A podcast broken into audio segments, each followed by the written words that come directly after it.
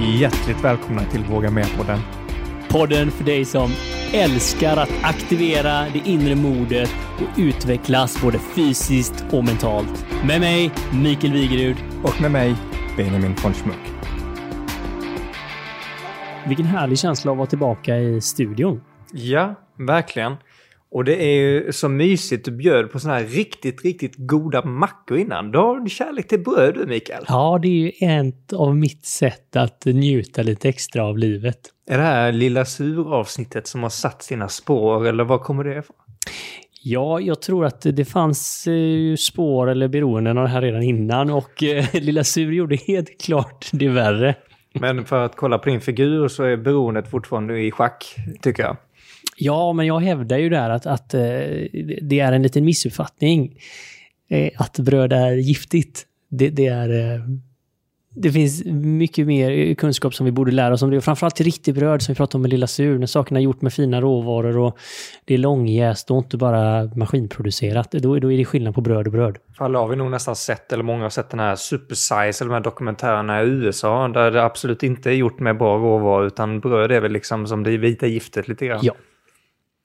Men det var inte så som bröd var från början när mänskligheten började och eh, jobba med eh, olika sädesslag. Ja, då fick ju magen jobba hårt kan jag säga. Men jag vill bara... Ja, det, det är fint av det man kommer hit och man blir bjuden på men, en ordentlig liten fika innan vi sätter på... Ja, men man vet ju hur mycket det kan göra. Eh, jag tror alla också att man vet om man gör saker på eftermiddagen eller efter jobbet och sånt där, att man får en liten resetting och då är ju en kopp kaffe och en god macka och bam, då är man... Inte det här typiska, det ena till det andra till det ena till det andra och sen så har man liksom Nej, exakt, aldrig... man bara hoppar mellan. Det blir lite som du vet när vi gör en incheckning när vi går in i studion. Man, man bryter det ena, skapar utrymme för det andra. Och verkligen, om man ska vara kreativ eller så här, va, då, då är ju det verkligen effektfullt att även ta hjälp av något yttre. Som typ en god macka med lite färska tomater och gurka och en god ost.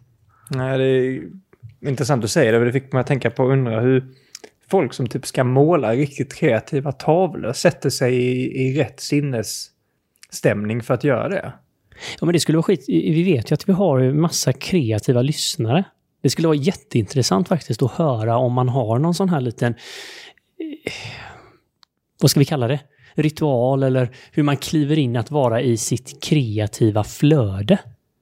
Så att där gör vi en shoutout tycker jag. Ja. Så det är bara att skicka, skicka in på antingen Instagram eller på Facebook-sidan. Så skicka ett meddelande till uh, Våga Med. Antingen om du själv uh, har din egen incheckningsmetod eller liksom tankebana eller bröd. Eller om du känner någon som du tycker är extra kreativ. Sjukt spännande. Har du varit kreativ senaste veckan då? Eller har du bara plöjt på? Mitt emellan tror jag. Jag har försökt att hålla mig kreativa stadier men också sett lite ibland när jag har fallit in i jag ska, jag ska inte kalla det mailträsket, men mail och sociala medier. Alltså jag har hittat mig själv swipande på toaletten ett par gånger, vill jag få säga. Ja, det här med sociala medier kan ju vara en annan... Och jag kände typ sånt sjukt gift häromdagen. Jag kände hur jag inte kunde sluta pilla på min telefon. Mm. Det var en uh, läskig känsla. Mm. Nej, uh, den känslan är allt för vanlig hos många av oss. Så, och då hade jag ett snack med farsan och, och, så snackade vi om lite hur grejer, hur man får saker gjort och hur lätt det är man skjuter upp saker och det man verkligen ska göra. Och, och då kom det här citatet till mig som jag läste i veckan att gör sedan nu. Mm, är det typ det som måste göras, gör det först? Eller är det, är det så man ska Ja, men man kan ju säga måste eller vill. Man kan lägga till vilka ord som helst Viktigt. där. Ja. Och hur lätt det är att det blir inte gjort eller Men att det blir... tvärtom, enkelt först. Ja, men som nu har jag så att jag ska göra mina posturala övningar. Jag har ett eh, program liksom för min kropp som jag gör varje dag.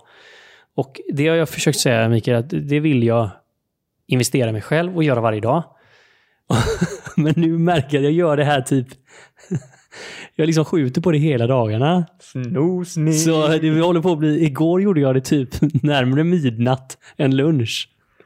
Jag tänkte, det- varför står jag mitt i natten och håller på med de här posturala övningarna? Och det här är morgonövningar. Och så har du antagligen liksom klandrat dig själv för att du inte har kommit till skott. Ja, men jag har haft några sådana här tillfällen. Jag kunde gjort på morgonen och sen igår, igår hade jag lite tid mellan några möten och intervjuer. Sånt jag kunde ha gjort det då. Men då sedan. Och Så stod jag där sen typ så här kvart över elva. Det var svart och försökte luta mig mot en vägg och göra de här stretchövningarna. Ja.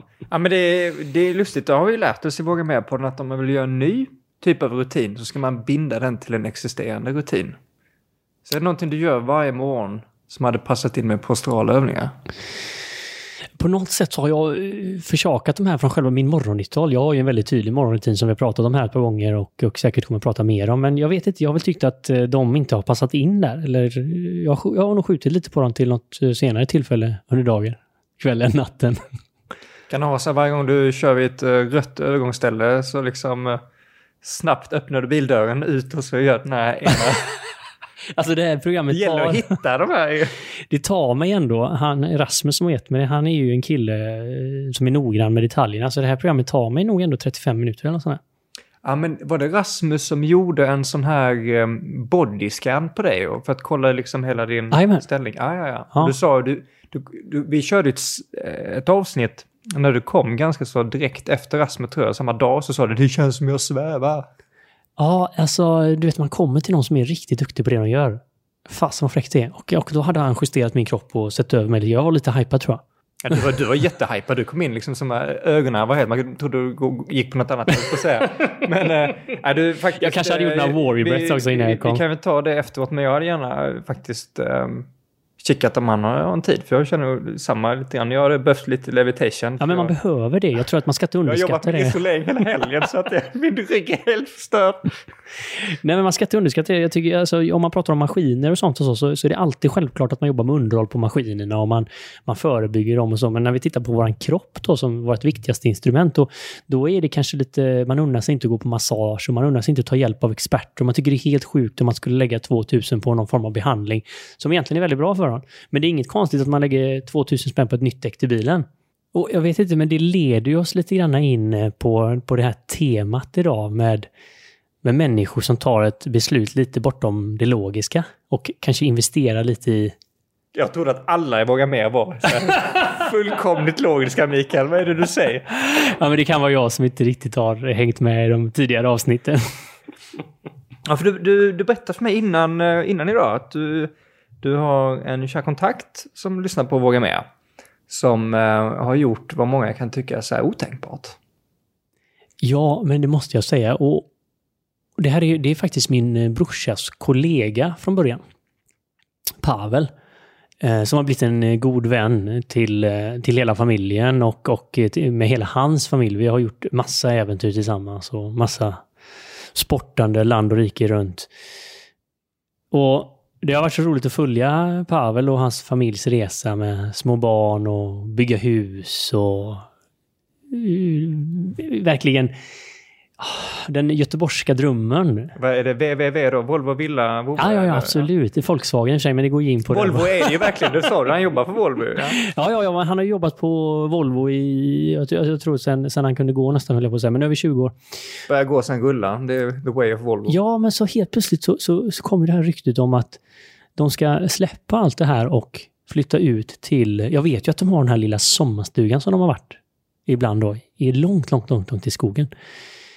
Eh, och nu ska de, har de bestämt sig då att, att hela familjen ska flytta ut till det här lilla torpet, till den här lilla stugan och eh, lämna alla kopplingar som de har till Göteborg skogen utanför Göteborg eller Nej, någonstans... Björkarna äh, i, i det kala, höll på att säga, Skåneland? Nej, men värmländska skogen. Den värmländsk, värmländska skogen. Jag ja. kan inte. Jag... Så någonstans eh, en bit från Grums någonstans ligger den här, den här lilla byn då. Eh, om det här stämmer. Men jag, jag, tror att för mig låter det nästan till så osannolikt. Så jag vet inte, jag, typ, kan vi, jag skulle vilja ringa Pavel något och se om det här verkligen ja, stämmer. Det, måste vi testa.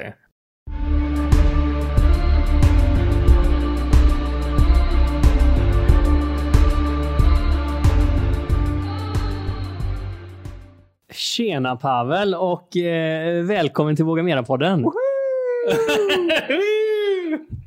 Hallå! Hej! Kul att vara med! Fantastiskt roligt att ha dig med och eh, det finns en lite speciell anledning att vi ringer dig. Mm. det har nämligen spridit sig ett litet rykte hela vägen in till studion och eh, ja, eh, Benjamin kollade på mig och sa att det här måste vi verifiera om det här verkligen stämmer. För att vi vet ju hur förankrad du är i Göteborg och med ditt arbete på Volvo och, och hela ditt liv här. Men nu säger ryktet att du ska sluta jobba på Volvo Göteborg, sälja huset och ta med dig hela familjen till en liten by i de värmländska skogarna. Ryktet stämmer. Eh, och, och det stämmer också att, eh, att eh, min förankring till Göteborg är, eh, är enorm. Och eh, jag kommer ju då lämna en fabrik som jag har jobbat på i 21 år. Eh, I juni blir det 21 år och eh, om en vecka lämnar jag Göteborg och börjar jobba i... Ja, jag börjar jobba i en mindre stad, men vi flyttar ut i obygden i skogarna mitt emellan Grums och Arvika. Det här är ju ganska fräckt och kanske inte så vanligt. Ofta så flyttar ju folk tvärtom, från bygden in till stan. Så hur kommer det här sig? Ja, eh, det, det grundar sig alltså... Vi har en ganska så liten barriär för den här flytten. Vi har en sommarstuga som vi är i väldigt ofta. Eh, och det är en, en resa med barn på någonstans mellan tre och fem timmar. Eh, men det är någonting eh, vi gör för att vi tycker att det är väldigt, väldigt skönt och, och, och trevligt att vara där. Eh, vi bor mitt ute i skogen, det är lite åkermark och lite sjöar och sådär och vi åker dit och vi har det, har det jäkligt gött. Och varje gång vi är där så, så konstaterar vi att vi vill egentligen inte åka hem till Göteborg utan vi vill bara stanna, stanna där vi är. Eh, och eh, även liksom att, att stanna kvar där och, och eh, jobba. Eh, för det är klart, vi är ju medvetna om att det blir en vardag på samma sätt som det blir i Göteborg också någonstans. Men, eh, men allting som ligger eh, eh, som är runt omkring ligger oss väldigt nära om hjärtat också. Eh, närheten till naturen och, och, och sådär som är, som är väldigt härligt. Så ingen betong eller sten och övergångsställen, det är inte det som attraherar? Ja, det är ju... Det, det, finns ju några övergångsställen i Arvika och, och, och det är inte det är inte så att det blir trafikstockning direkt. Eh, men, men våran väg, våran närmsta väg är en... Eh, är, utanför tomten är det en grusväg som är några kilometer lång och, och landsvägen utanför grusvägen, landsvägen som man kallar den, är ju en landsväg utan mittlinje. Så det, är det är ganska så glesbefolkat. Det är inte ens, man kan inte ens tänka att det är ett samhälle utan det är mer som en väldigt utspridd by kan man säga. vad, heter, vad heter det här stället? Jo, stället heter Värmskog. Eh, och det ligger alltså mitt emellan Grums och Arvika. Och vad det lät på din beskrivning här då. Kan du ta oss med om man, om man kommer då in mot detta? Du kommer på landsvägen. Hur, hur ser det ut här? Kan vi, kan vi ta de sista kilometrarna mot huset? Ja, eh, vi kan, ju, vi kan ju börja med att man kommer egentligen på en ganska så, så eh, stor väg och så kommer man in i den här byn då som heter, som heter Värmskog. Och det börjar egentligen från Grumshållet söderifrån från, eh, från Göteborg. Eh, så det, det första som man eh, eh, som kan vittna om någon form av civilisation det är den här eh, eh, lanthandeln som har funnits där i, i eh, hundra år. N någonting sånt. Eh, och sen eh, efter det här så, så kommer det sam, samhället med, eh, eller samhället, byn med, med kyrkan och eh, skolan och kaféet och, och sådär. Och sen efter den sträckan på 100 meter så är man ute i skogen igen. Eh, och så kommer den här lilla avkrok, eh, avkroken till, eh, till väg som man tar in på några kilometer. Och så är det blandat med eh, gårdar, eh, skog, ännu mera gårdar eh, och så är det ännu mera skog. Och sen kommer man till en sväng där man ska svänga av till en liten, eh, liten grusväg som man kör in till oss. Och på den grusvägen, där bor det ganska mycket folk numera faktiskt. Eh, det har varit tidigare en, en eh, bygd som folk har flyttat ifrån ganska mycket. Eh, för att man kanske inte liksom... Ja, men det är som, som du sa Benjamin, att det vanligaste är ju att folk flyttar till städerna snarare än att man flyttar till landsbygden. För nu är det ändå ganska många år sedan, jag tror att det är någonstans 10-15 år sedan, så la kommunen ner skolan i eh, byskolan som fanns i Värmskog. Och det, var ju, det är ju väldigt ofta en dödsstöt för en, eh, en eh, by. Finns det ingen skola så finns det egentligen ingen framtid för de familjerna som, som finns där.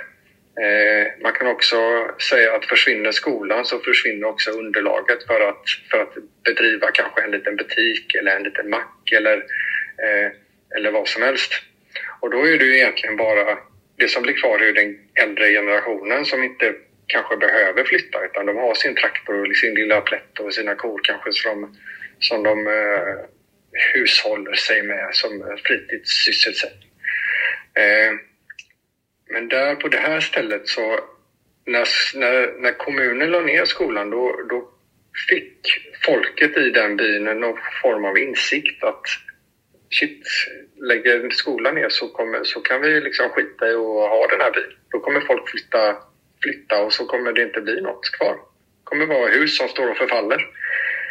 Eh, och nu är det ju så där att eh, folket startade en friskola istället för att kunna för att, för att liksom hålla folket där. Så de tog saken i egna händer och startade en friskola och och eh, för förskolebarn och upp till, eh, till och med mellanstadiet. Det är inte ens hela vägen upp till, eh, till gymnasiet, men till och med mellanstadiet. Och nu är det så att folk flyttar tillbaka dit.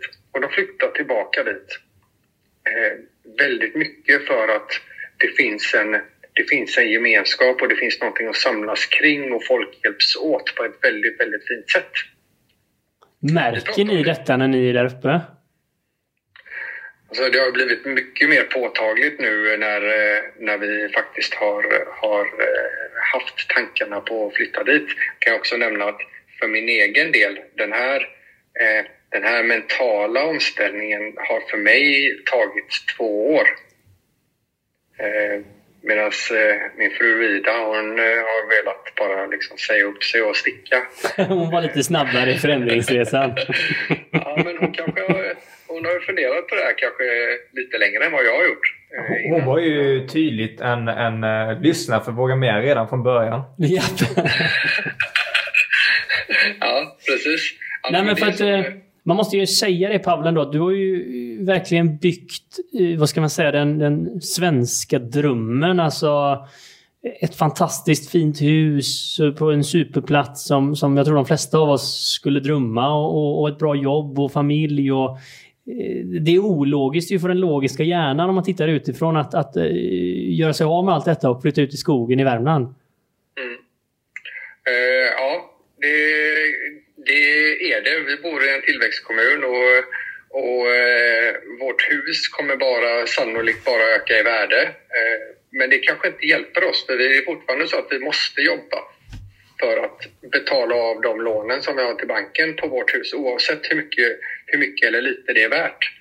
Eh, sen har vi också aspekten vad eh, skolan i, eh, i Göteborg. Vår son han kommer börja förskoleklass till, till eh, hösten. Eh, här i Göteborg så hade han haft eh, 28 eh, elever i sin klass. Nu kommer vi till ett ställe där han kommer ha 11 elever i sin klass. Och, och, och då, då ser vi direkt att det kommer bli ett större fokus på honom i skolan. Han kommer inte bli en i mängden som försvinner utan han kommer, han kommer kunna, eh, kunna vara en större del i det sammanhanget som han kommer kunna vara med i.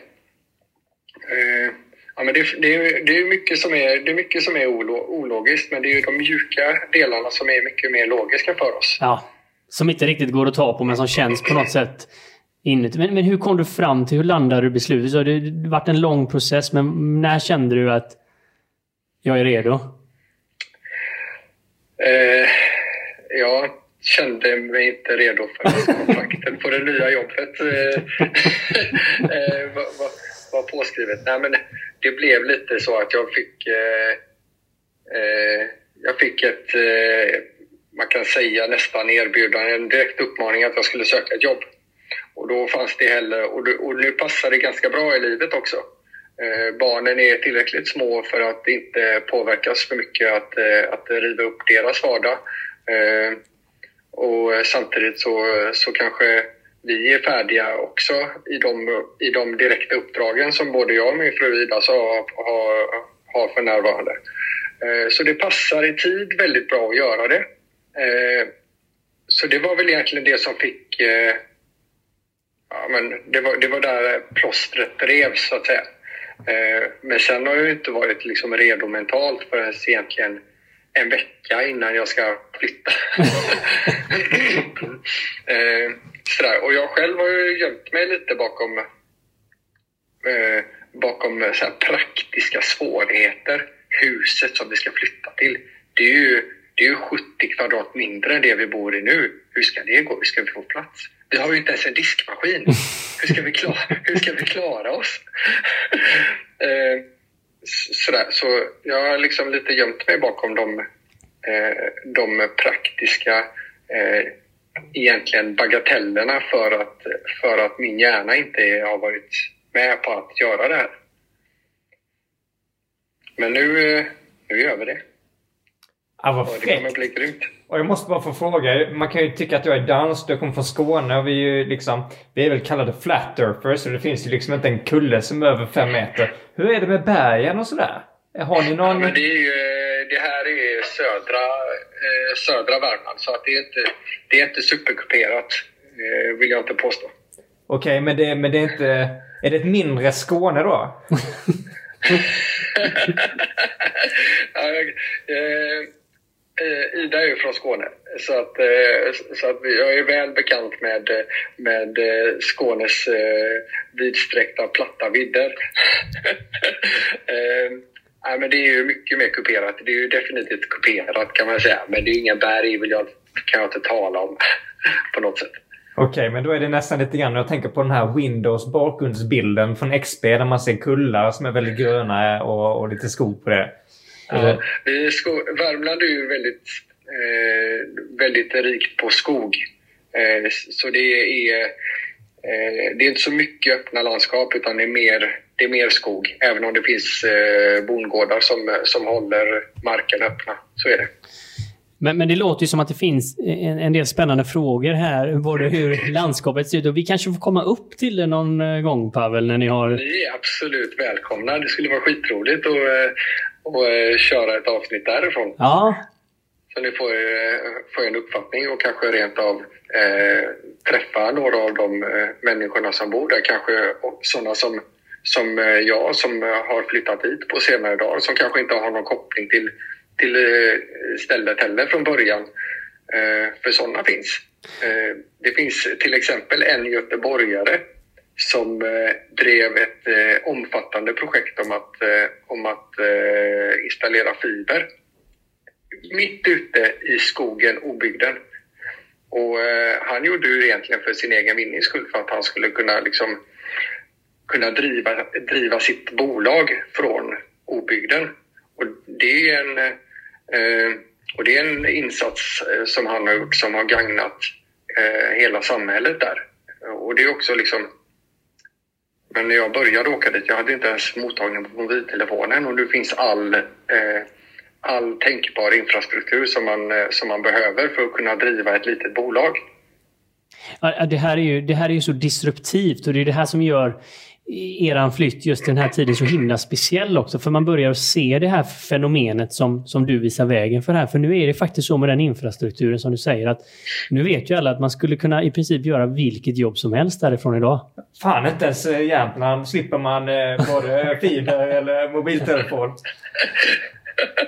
ja, nej, men så bra, så bra är det inte. För när jag började åka dit så var det ju en stor frihet. Men nu är det ju eh, att, att liksom kunna gå ut i skogen och men även om jag tar upp min telefon så kommer jag inte ha någon som helst nytta av den. Det är lika, bra som, och lika, lika mycket nytta som att ta upp en sten från marken och titta på den. Liksom. Eh, och, men, men nu har det liksom skapats helt andra möjligheter. Inte bara liksom friheten med naturen och allting som finns runt omkring men också liksom möjligheterna till att faktiskt eh, bedriva en verksamhet och, och kanske rent av eh, kapitalisera på, på sin egen kunskap. Mm. Om man nu är lagd åt det hållet. Ja, men jag tror, vi ser ju små, små grejer om detta och, och vi kan fortsätta det här. Men, men en intressant sak på det. Jag läste en artikel faktiskt om två stycken entreprenörer som eh, hade startat en app som, som sålde bilar. Och de, var, från, eh, de var bönder från Skaraslätten båda två från början. Men eh, de, hade, de vågade inte riktigt gå all in, så det de valde att göra när de startade bolaget var att de registrerade bolaget på en bra adress i Stockholms innerstad. men, men verksamheten har aldrig funnits mer där än brevlådan. Bra. Bra brevlådeföretag. Ja, men jag, jag, jag gillar det ändå. Ja. De sa så här, nu snart kanske man vågar vara ärlig med vad man är och vi kanske vågar erkänna att vi har ingenting med Stockholm att göra. Men i början hjälpte det oss för att raisa kapital och se seriösa ut. Ja. Ja. Ja, men Pavel, det var oerhört kul att få höra eh, vad ni gör och, och lite hur det känns och hur du tänker i den här omvälvande processen. Är det något som du redan nu från dina erfarenheter skulle vilja skicka med dig om det är någon som om du har väckt liv i något som bubblar lite hos någon som lyssnar på detta? Det är att man, man, kan, man kan skapa sig en, en eh, vardag eh, och ett liv utanför storstäderna. Eh, det finns jättemycket folk som bor utanför storstäderna som faktiskt eh, lever och tjänar pengar eh, och, eh, och gör det som man liksom kanske behöver göra för att liksom kunna, kunna utveckla sig själv och sin, sin eh, familj på ett eh, hållbart sätt. För det är också väldigt viktigt. Det ska vara hållbart. Eh, det ska fungera över tid. Eh, så det går. Det är bara att man måste, man måste hitta guldkornen. Och det kanske är det som är det svåra i, eh, sammanhanget. Så någonstans utanför eh, motorvägen och eh, storstan så är vi inte neandertalare utan eh, det, finns, eh, det finns ljus i tunneln så att säga. Precis. Ja, tack för att vi fick ringa så här mitt i, i kvällen Pavel och eh, som sagt vi, vi hörs snart igen då. Ja, det gör vi. Okej. Lycka till! Bra. Tack så mycket. Ha det gott! Hej, hej på er. Hej!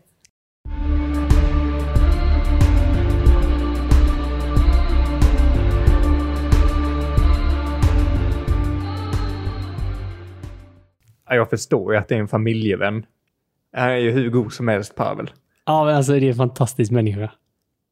Och, och du såg lite nervositeten i hans ögon också va? inför eh, den här stora förändringen. Ja, och eh, jag tänkte lite grann på där han sa att eh, hans fru då var ju mentalt redo för flytten liksom så mycket tidigare än vad han var. Och fick mig att tänka på det att det, det har varit så många gånger själv som jag inte kanske riktigt varit redo förrän man faktiskt liksom står där på kanten till någonting nytt. Och att man kanske inte ens är redo när man tar steget. Men jag har aldrig ångrat att jag tagit det steget.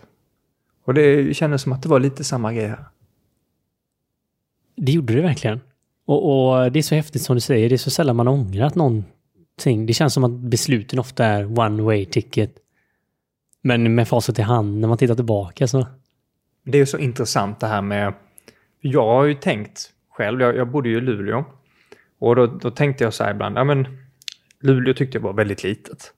Och då kom jag från Malmö och Luleå anses vara jättestort i Norrbottens mått. Eh, och jag är på något sätt uppvuxen eh, i storstan och eh, att man känt att desto längre ut från storstan man kommer desto mindre händer. Men eh, nu är det 2021. Och eh, som Pavel sa här, de har fiber idag. Och det är så mycket som har förändrats så att det som kanske 20-30 år bakåt i tiden var att desto längre bort man är från metropolen eller från citykärnan, desto längre back var man. Det är ju knappt så att det inte finns hjul längre. Det stämmer ju inte. Den, den ballongen och den bubblan har ju spräckts. Det är ju det här som gör hela det här fenomenet, om vi ska kalla det det. Det är ju extremt tidigt och det är inte många som gör som Pavel, men det finns ju några stycken nu.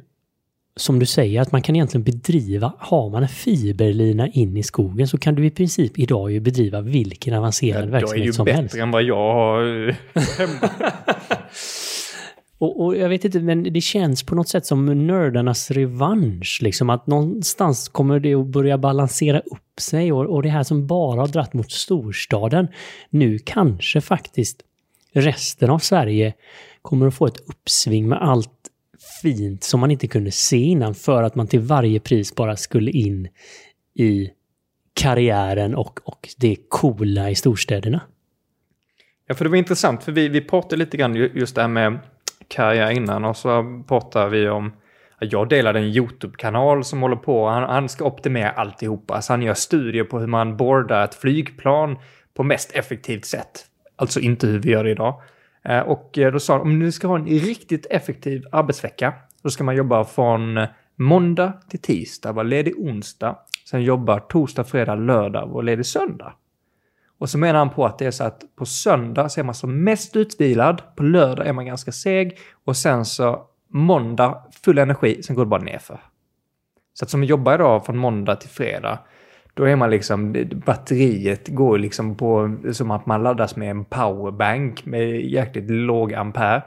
Uh, och lördagen blir helt waste. Men så sa du då Mikael, jaha, men här har du ju rent av försatt att arbetet tar energi. Så det fick mig att tänka på lite en sån här vågskål. På så här, att man tänker kanske nöje, energi och um, det kan vara olika för, för alla personer. För mig är det mycket natur. Och sen det andra är liksom hygien i form av överlevnad, inkomst, mat på bordet. Och hur man liksom kan hitta att man väger här. Och här känns det som att Pavel nu med familj verkligen har hittat liksom en, en, en, bra våg. Ja, jag tror det är precis den här vågen som har börjat att ställa dem de här frågorna.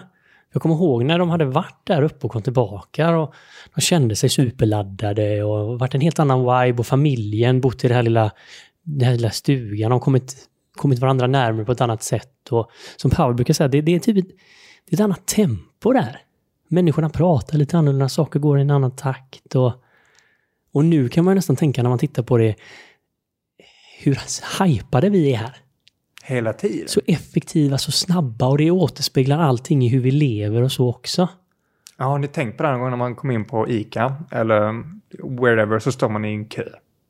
Hur många är det som står och stampar med foten eller står med sin telefon? Ja, men alltså lägger du upp varorna stå... på fel sätt så kan du ju liksom få, en, få ett mjölkpaket Jag tänker på han Örjan från Hjälp han som har aggressionsproblem och så är det någon som tar så jäkla lång tid i kassan så bara trycker han allting igenom så här och sen så betalar han med sitt kort. Och...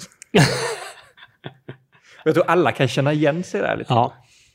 Det var också intressant också, Pavel han pratade lite om den här lanthandeln och den här betydelsen av det och, och vad som hade hänt i den här byn med skolan. Och, och tänker i, i storstan, där är vi så oberoende av varandra. Precis som du säger, det enda problemet man har det är om det går för långsamt före i kassan på ICA. Då står alla bakom och stampar. Men då säger Pavel att liksom, när de la ner skolan att det blev ett startskott för det här samhället. För att de kom samman. Och jag tror att det här är sådana mjukare bitar av livet som vi har i den här rationella modellen som vi har byggt upp i effektiviteten och individualistiska. Så vi har tagit bort de här lite. Du har en poäng där. Och det är det som är så coolt på något sätt att man tog bort skolan. Någonting som eh, eh, kanske ödelägger väldigt mycket och har gjort länge. Men tvärtom så blev det en styrka att man skapar det här själv. Och det jag tänker på där är att även om det är ett litet samhälle men folk är aktiva. Då blir det ju en helt annan grej. För jag menar, om vi tar Göteborg till exempel som har väldigt många fler invånare. Om man tar hur många av de invånarna som faktiskt är aktiva så är det väldigt få. Extremt få ju. Så det skulle vara, jag lyssnade på den här podden igår. Podd? Ja, alltså där de berättar om den här lanthandeln. Det finns bara en podd, Mikael. Nej, men det finns två. Det finns den här Värmskogspodden också. Värmskogspodden, okej. Så det är från den här lilla byn då, dit Pavel ska flytta. Och jag tänkte jag kanske kan få spela upp detta bara. För att, både för att det är oerhört intressant det han säger, men också för att eh, jag tror att det kommer att ta oss lite åt eh, detta hållet. Okej, här kommer ett inlägg från uh, Värmlandspodden podden då, va?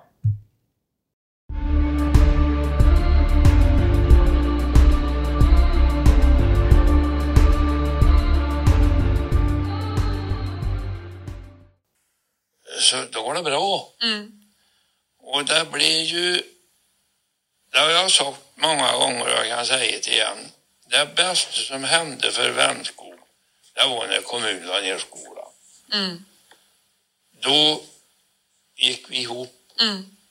Man hittade något att enas Ja, det var, eh, det var starten mm. för eh, då blev vi eniga och det gick lätt jag, jag var ju liksom sammankallande och såg till att det fanns folk mm. som jobbade. Mm. Uh, och det gjorde jag gärna. Det var mycket jobb. Det här är så underbart. Det är så underbart att höra dialekter. Jag, jag känner så här, man måste, man måste höra lite på det här för att förstå vad är Pavel pratar om vart alltså, han är på jag väg. Jag får ju både liksom kärlek och energi av det här. Men jag såg jag har ont du... i mina mungipor. Jag såg att du ansträngde dig för att vara tyst i mikrofonen. Det var ju dubbelvikt, men det är... Det är tur vi stängde ner det här med video nu för de här poddavsnitten, Mikael. Tur du tryckte in filtar och toapapper i munnen, Benjamin. Nej men tänk dig att liksom den största tragiken, vi vet ju att när man lägger ner skolan, det är döden för alla samhällen har varit så. Först är det lanthandeln och sen är det skolan. När de ryker är man screwed. ja, man precis. Det funkar kanske någon år som Pavel sa, men har man inte en generation efteråt som bygger upp och, och, och håller saker vid liv så blir det ju dött. Och här så säger han att det är Siger då, den här som har drivit lanthandeln i 60 år i Värmskog. Han säger att det här blir startskottet. Ja, men det här att, att man, man tar så för givet att man blir omhändertagen. Man tycker att ja, men jag råddar mitt eget liv. Men det är ju så mycket som man hela tiden bara förväntar sig ska hända. Och ehm, man blir ju grymt irriterad när det inte funkar. Som till exempel om man står på, i, i kön på Biltema. Det är ju sällan man beskyller personerna i kön framför, utan man beskyller att de inte har fler kassor öppna. Eller att kassören kanske jobbar väldigt långsamt. Eller... Um, har du varit på Biltema nyligen? Nej, det kan, kan, kan vara så. Ungefär som att man står vid ett rödljus. Det är klart det kan vara mycket bilar, men det rödljuset som just nu slog om, det var ju väldigt jobbigt. Så på något sätt så är det liksom eh, kanske lite grann programmerat i oss att uh, det finns det här stora som tar hand om oss alltid. Så oberoende på vad jag gör så blir man omhändertagen, vilket är sant. Jag menar, Sverige ja, vi, på något vi sätt har ju byggt ju detta. Vi har ju varit världsledande och bygga det här samhället, men någonstans, det som är den ena generationens räddning och skapande, det blir ju ofta på något sätt nästa eller nästnästa generations utmaningar. Ja, för vi, vi kan ju ta en utmaning som nu då. Om man då helt plötsligt lägger bort allt ansvar från sig själv och sitt eget liv på ett system där vi har sett väldigt många videor där att ah, det här ansvarar inte jag för nu i pandemi. Ja, ja, ja visst. Men då, vad förväntar man sig då ska hända? Till det här exemplet då som är precis tvärtom. Ja.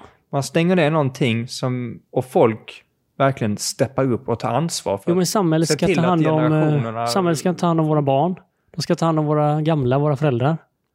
Och eh, de ska ta hand om oss. Jag måste säga någonting här. Min, eh, min, min fars eh, fru, eh, Cecilia, vi satt och pratade och hon, hon är speciallärare då, som tar hand om eh, folk med dyslexi och liknande. Så sa hon att det, det är skrämmande egentligen hur det har förändrats. För att går man tillbaka 5-10 år så satt man på ett föräldramöte. Och där pratar man då om kanske lille Kalle som kom in och kanske varit lite stökig och sådär och då berättar ju läraren så här, det här och det här är inte bra och då satt föräldrarna, ja okej, okay, vad ska vi göra, vad ska vi hjälpa till med där hemma? Ska vi se till att liksom inte låta Kalle kolla på tv för han har gjort läxorna? Man, liksom, man står till barns bästa, men idag är det inte så. Då sitter man på föräldramötet och så säger föräldrarna, ja men vad ska du som lärare göra för att fixa det här? Det är som att helt plötsligt så blev lärarna inte bara lärare utan helt plötsligt ska de stå för hela uppfostran också. Och det är ju för mig helt knasigt, helt vrickat. Men vadå, ska jag som förälder behöva uppfostra mitt barn? Nej, du kan väl vara en kompis istället. Och så när 14-15 smuggla ut lite sprit bara för att liksom vara på den goda sidan. Nej, men, det, här, det här är ju oerhört spännande. Det är ju en liten värld som, som man inte ser in i på samma sätt utan barn. Men det är väldigt intressant att höra det och, och man, man hör ju det här lite ibland att, att, att man skjuter mot yrkesgrupper mycket och som du säger, vård och omsorg och skola och sånt och så att allt är deras fel. Men du, du riktar strålkastaren lite tillbaka här. Precis. Mm. Precis. För då kommer man in på det här med samhället. Lite som de sa där att vi var tvungna att komma tillsammans. Mm. Samhälle gemenskap. Precis. Och det tror jag har varit en av de, för mig, största skillnaden faktiskt när jag har min lilla tillflyktsort när jag åker till Björke. Och när jag kliver av färjan där och, och landar på ön så, så har det varit som att slått mig just den här känslan att folk hejar. Folk känner varandra. När farmor bodde där ute så var det ofta så att då frågade de mig, ja men hur är det med din farmor? Och när hon var lite krasslig och sånt där kunde folk stanna med och kolla av läget. Och man hjälps åt och det är ju helt annorlunda. Ja, för jag tänkte, Än på andra jag sidan. tänkte på det innan när jag, när, jag berättade att jag bott mycket i storstaden så vet jag att du har ju vuxit upp liksom lite grann mitt emellan eller blandat där. Och eh, vad var de största takeaways från det? Just att det liksom...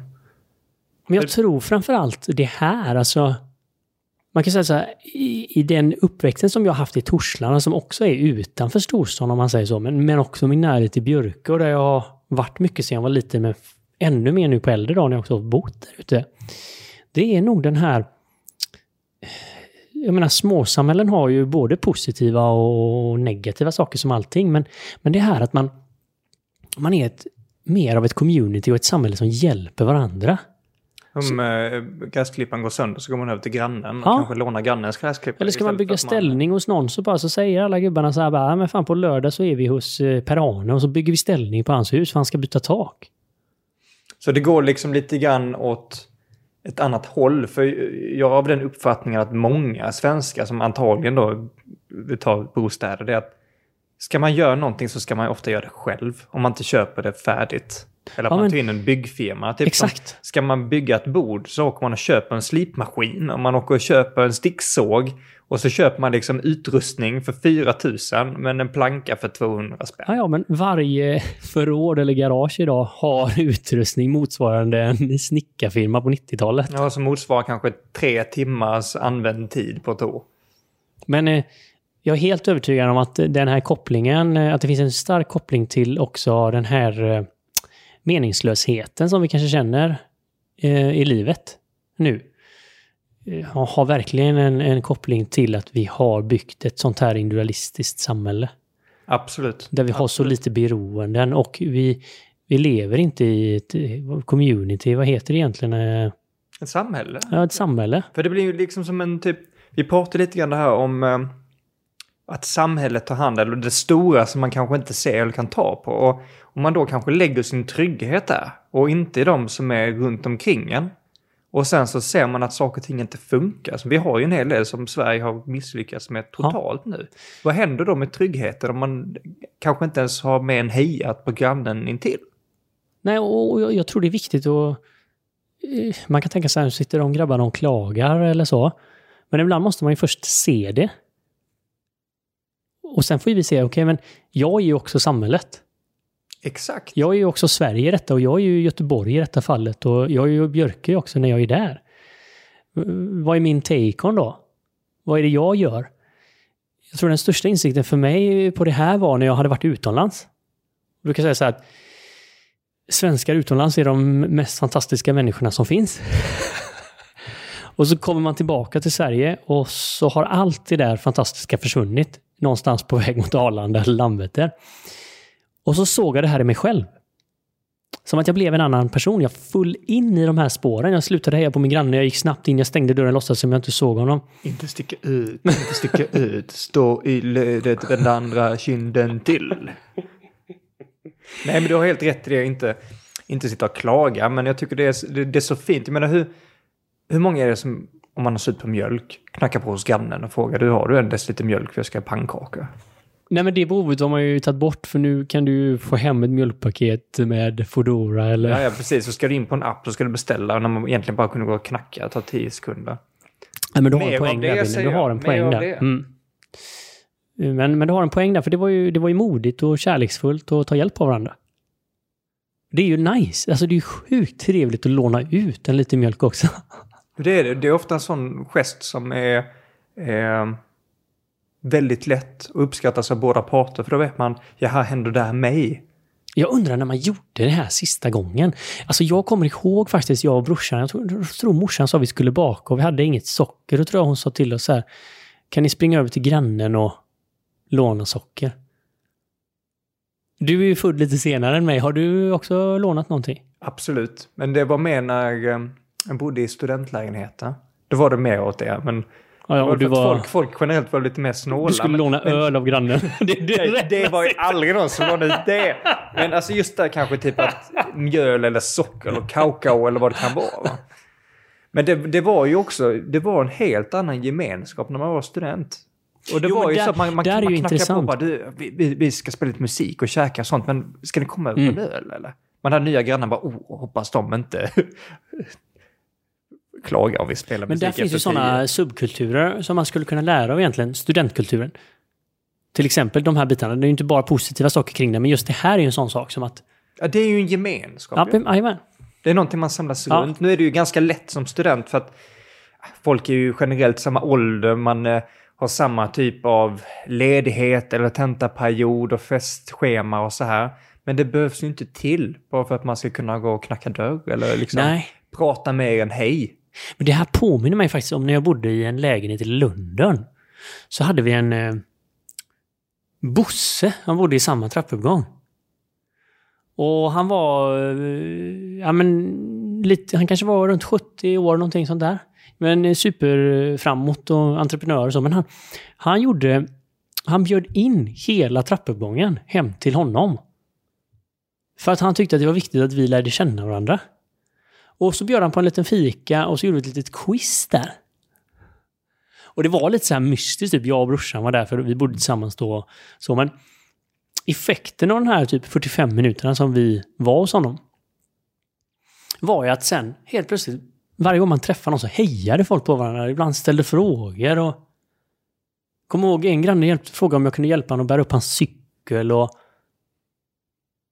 Och detta var en hyresrätt i en trappuppgång där man normalt sett, som vi skojar, undviker all ögonkontakt och stänger dörren snabbast möjligt. Nej, och I'm partly myself to blame. Alltså så är det ju åt trappuppgång. Vi har haft en granne nu som har kommit och gått och hyrt ut och hit och dit så att det har bytts väldigt mycket folk. Eh, Jag knackade på en gång, men det var för att det var hög ljud. så att, men eh, det, det, ja, det, det, är väl kanske en kultur som utvecklas som jag i- inte uppskattar. Jag hade hellre att precis tvärtom. Man flyttar in och så knackar man på och hejar eller här har vi bakat bröd, vill du ha en limpa? Alltså, det blir ju så mycket trevligare då. Så jag hur, att hur, kan vi istället, för nu känner jag att nu sitter jag här och bara, Ja, ja men eh, det är helt okej. Ibland måste förändring börja ibland med att man ser. Det är faktiskt så. Jag tror att här får vi vara ödmjuka för detta. Att det Sverige som var state of the art i världen och som man byggde välfärdssverige och, och, och när vi tryckte igenom detta, det står ju inför ett nytt skede nu. Och eh, det vi tittar på här nu, vad skulle vi kunna ha för ny vision om? Och hur skulle ett modernt samhälle se ut framåt? Och vilka bitar är viktiga nu när alla har en egen toalett? Och det, är inte, det är inte det som vi behöver kämpa för att bygga om från gårdstoaletter till egna badrum och kök och värme. Och vi har ju förflyttat upp oss i Maslows behovstrappa många ja nivåer. då, ja då, jag vill nästan påstå att kanske Instagram och wifi är högre upp än mat för många. Men jag, jag tror det- är nästan omöjligt att känna alla i Göteborg eller liksom en, en storstad över 50 höll på att säga. Så att eh, man kanske ska välja och hitta ett community som passar en. Eller en, liksom, eh, en subgruppering av människor. Där man liksom hittar en förankringspunkt där man har den här tryggheten, där man öppnar upp och där man verkligen lär känna varandra. Eh, istället för att se det som totalt omöjligt att man ska heja på exakt alla. För det har vi nog inte tid med. Kommer effektivitetskillen. Men, nej, men jag tror vi kan, väl, vi kan hålla den ganska öppen så här. Det är mer intressanta frågeställningar att kontemplera lite på än, än att kanske ge svar på. Men, men man vet ju själv innebörden av ett hej, hur stort, hur stort det kan påverka. Ja, och det lärde vi oss av Goran också. När han gick från sin resa att uh, vara väldigt mycket tvärtom instängd till raka motsatsen. Hur hans liv förändrades där. Så att uh, ja, det här är väl en typisk uh, våga mera-grej. Att uh, våga ta steget till, till nya relationer. Och um, både från små till stora. Och som Pavel och hans familj här att säga att eh, ja, men, eh, vi gör några förändringar för att skapa det samhället och det livet som vi känner för just nu.